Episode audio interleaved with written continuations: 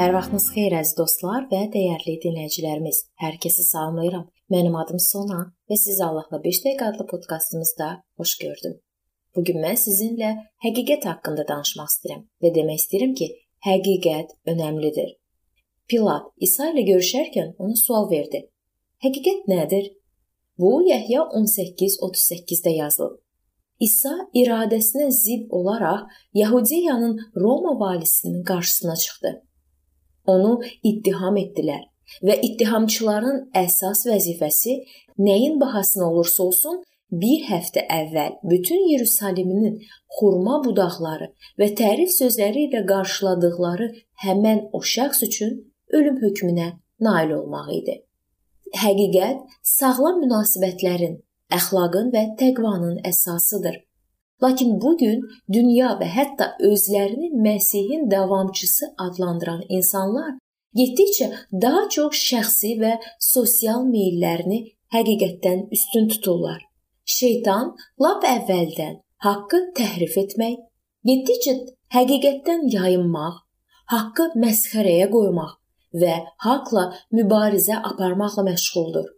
Paul Timoteyə xəbərdarlıq etdi Çünki elə bir zaman gələcək ki, sağlam təlimə dözməyəcəklər. Qulaq oxşayan sözlər eşitmək üçün ətraflarına öz ehtiraslarına uyğun müəllimlər toplayacaqlar. Qulaqlarını həqiqətdən döndərəcək əfsanələrə meyl göstərəcəklər. Bu 2-ci Timoteyə 4-cü fəsil 3-4-cü ayələrdə yazılıb. Sadəcə bir çox son xəbərlər üçün internetə baxın Biz hətta bəzən özümüz də inandığımız hər şeyin doğru olduğuna özümüzü inandıra bilmirik. Görün hansı YouTube hekayələri milyonlarla baxış qazanır. Onların əksəriyyəti etik cəhətdən uyğun olmayanlardır. Təəssüf ki, imanlılar da bu aldanmaq meylindən kənarda deyillər. Hətta bu gün Məsihin davamçıları adlandırılanlar arasında müqəddəs yazılardan revizionizm lehinə bir keçid var. Yəni Allahın qanununun 10 əmrini 10 məsləhətə endirmək kimi. Yəni müqəddəs kitab həqiqətinə yenidən baxılması. Buna əməl oluna bilər və ya bu göz ardı edilə bilər. Bu gün bəzi təbliğçilər doktrinaya qarşı olduqlarını iddia edirlər və bunun əvəzinə İsa'ya diqqət yetirdiklərini iddia edirlər. Sanki İsa ilə xilaskar münasibət onun təlimi deyildi. Onlar öz sürülərində özlərini və Allahın kəlamını dərinləşdirmək istədiyini tədricən məhv edirlər. Bu fikir 1-ci Timotey 4:16-da yazılıb.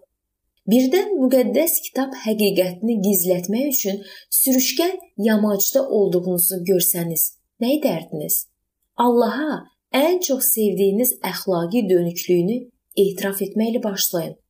Çox vaxt ayrılmaq istəmədiyimiz gizli günahlarımız elə müdafiə olunur ki, onlar əxlaqi mütləqliyini şübhə altına qoyur.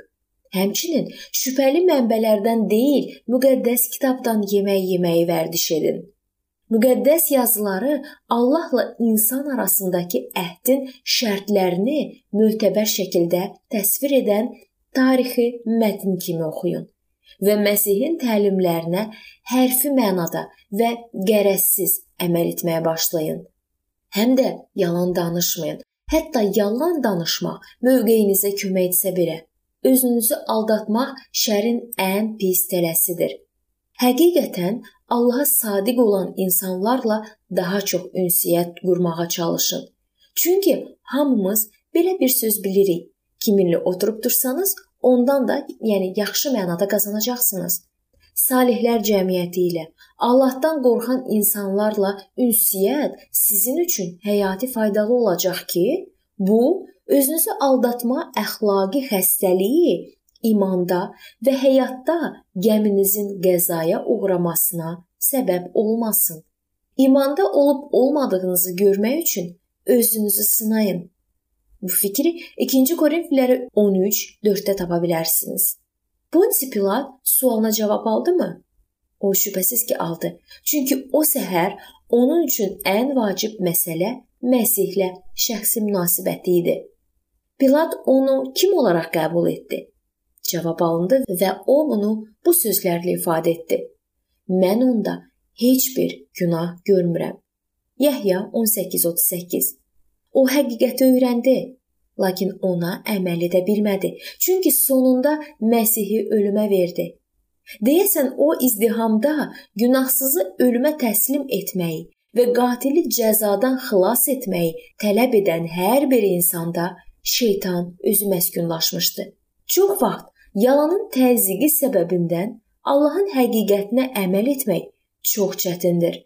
Təəssüf ki, Pilat müqavimət göstərə bilmədi və cəmaata itaət edərək şeytan tərəfindən aldananlardan biri oldu. Əziz dostlar, bu gün necə deyərlər, həqiqət önəmlidir. Üstəlik bizim üçün çox vacibdir. Həqiqəti bilin, ona inanın və həqiqəti yaşayın. O zaman İsa'nın dediyi kimi siz həqiqətən azad olacaqsınız.